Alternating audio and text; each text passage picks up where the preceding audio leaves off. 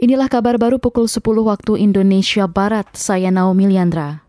Konsorsium Pembaruan Agraria atau KPA mendesak pemerintah merealisasikan janji reforma agraria.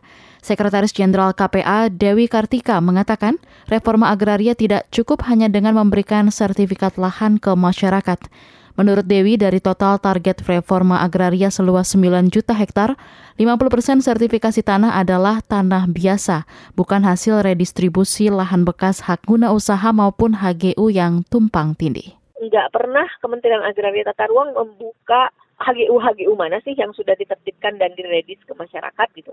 Tapi kenapa juga uh, klaimnya bagus, uh, positif, tapi kok kita di gerakan rakyat uh, di petani, di apa di banyak serikat yang mengusulkan lokasi-lokasi prioritas reforma agraria itu justru nggak kunjung disentuh, sedikit sekali yang disentuh. Kalau kita mau bicara 8 tahun ya terlalu sedikit lah. Sekretaris Jenderal Konsorsium Pembaruan Agraria KPA Dewi Kartika menyebut reforma agraria di bawah Kementerian Lingkungan Hidup dan Kehutanan KLHK telah gagal total. Ia beralasan reforma agraria pemerintah tidak meredistribusi tanah yang diklaim sebagai kawasan hutan kepada masyarakat. KPA juga mengkritik pemerintah yang dianggap memaksa petani mewujudkan reforma agraria dengan skema perhutanan sosial atau kemitraan dengan tetap mengakui kawasan hutan. Kita ke lantai bursa. Perdagangan saham di Bursa Efek Indonesia pagi ini masih lesu. IHSG dibuka di level 7112 dan terus merosot hingga ke level posisi terbawah yaitu di level 7080. Lebih dari 270 saham terkoreksi, sekitar 160 saham menguat dan 180-an saham stagnan. Berbagai bursa saham utama Asia juga melemah, di mana pelemahan terbesar terjadi di Hang Seng Index Hong Kong, melemah 2,5 persen. Sementara itu nilai tukar rupiah diperdagangkan di posisi 15.131 rupiah per 1 dolar Amerika Serikat.